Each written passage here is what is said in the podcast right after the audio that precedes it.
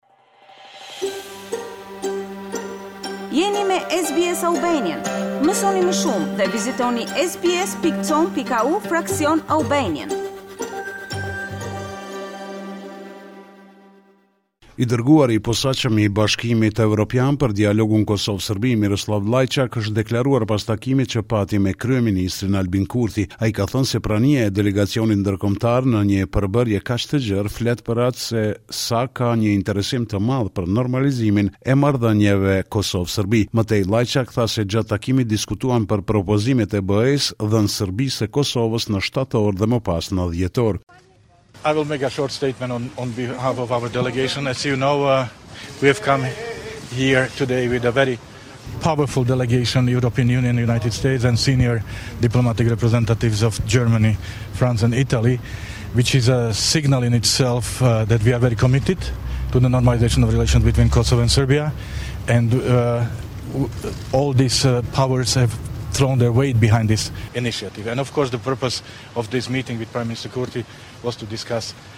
The normalization proposal that uh, we presented to him in, in September and then the, uh, in December, we spent more than two hours with Prime Minister, so which uh, already tells you that the the meeting was long, it was not easy, but it was very honest, very open.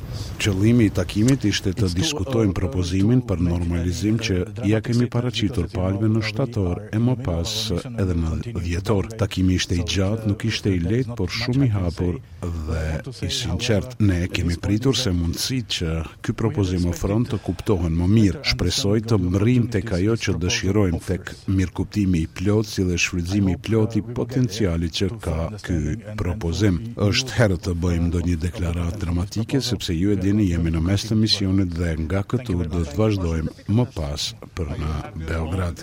Pas Prishtinës, delegacioni i diplomatëve perëndimorë me në krye emisarin Miroslav Lajçak kanë udhëtuar për në Beograd ku janë takuar me presidentin e Serbisë Aleksandar Vuçiq. Lajçak ka thënë se presidenti serb tregoi qasje të përgjegjshme dhe vullnet për të marrë vendime të vështira në interes të paqes dhe perspektivës evropiane të Serbisë. Kemi pasur një diskutim intensiv të vështirë, por edhe të hapur dhe ndihemi të inkurajuar, nga rezultati, tha Lajçak, duke shtuar se zbatimi në kohë i Asociacionit të Komunave me Shumicë Sërbe është elementi kyç për stabilitet. Kryeministri Albin Kurti ka thënë se Serbia dëshiron Republikën Sërbe në Bosnjë, Malin e Zi dhe Veriun e Kosovës e ta kthejë në një sferë të ndikimit. Në një intervistë për mediumin zviceran Tages Anzeiger, Kurti ka thënë se problemi i Kosovës është që partnerët e saj perëndimorë besojnë se Serbia po udhëhiqet vetëm nga oportunizmi, se është në pritje të përfundimit të epokës së Putinit dhe pastaj do të orientohet qartë drejt Evropës. Prezenca e përfaqësuesve ndërkombëtarë në Kosovë për arritjen e marrëveshjes përfundimtare ndërmjet Kosovës dhe Serbisë po vazhdon të jetë e një intensiteti të lartë. Njohës të çështjeve politike në vend këto vizita të shpeshta i shohin si pozitive. Besfort Rrecaj, profesor i marrëdhënieve ndërkombëtare në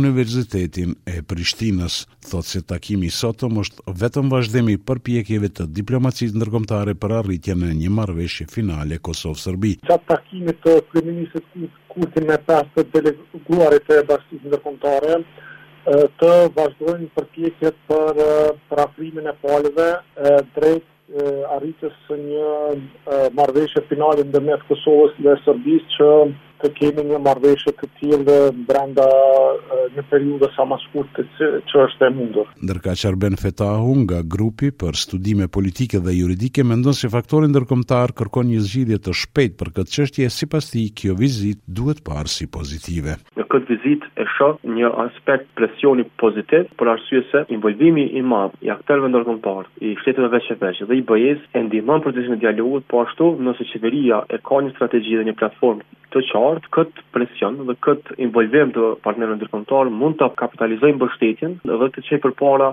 pikat që janë të favorshme për të në marrëveshje dhe ta zhbllokojë edhe situatën në tavolinën e bisedimeve.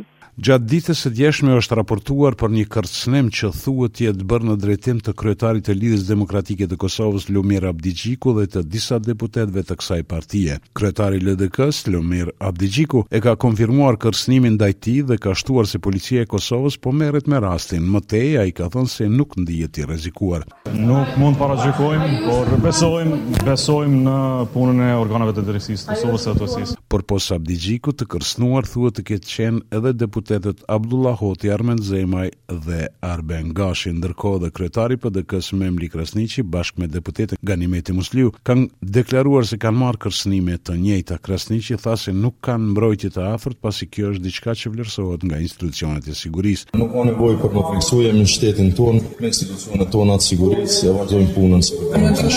Ata i bojnë vlerësimet e sigurisë vetë, është çështje e policisë, ne kemi përvoja edhe në të kaluarën në ta, kom besim te organet e rendit. Zëdhënësi i policisë së Kosovës për rajonin e Prishtinës, Bajram Krasniqi, ka thënë se janë duke e hetuar këtë rast të cilësuar si kanosje. Ndryshe, organet e sigurisë të Kosovës për këtë kërcënim i ka informuar një shërbim i fuqishëm i një vendi të Bashkimit Evropian. Reshjet e pandërprera kanë shkaktuar vërshime të mëdha në disa komuna të vendit. Gjendje emergjente tashmë kanë shpallur komuna e Mitrovicës dhe e Skenderajt. Edhe në komunat e tjera si në Gjakovë, Pejë, Klinë e Podujevë, në shumë shtëpi uji ka depërtuar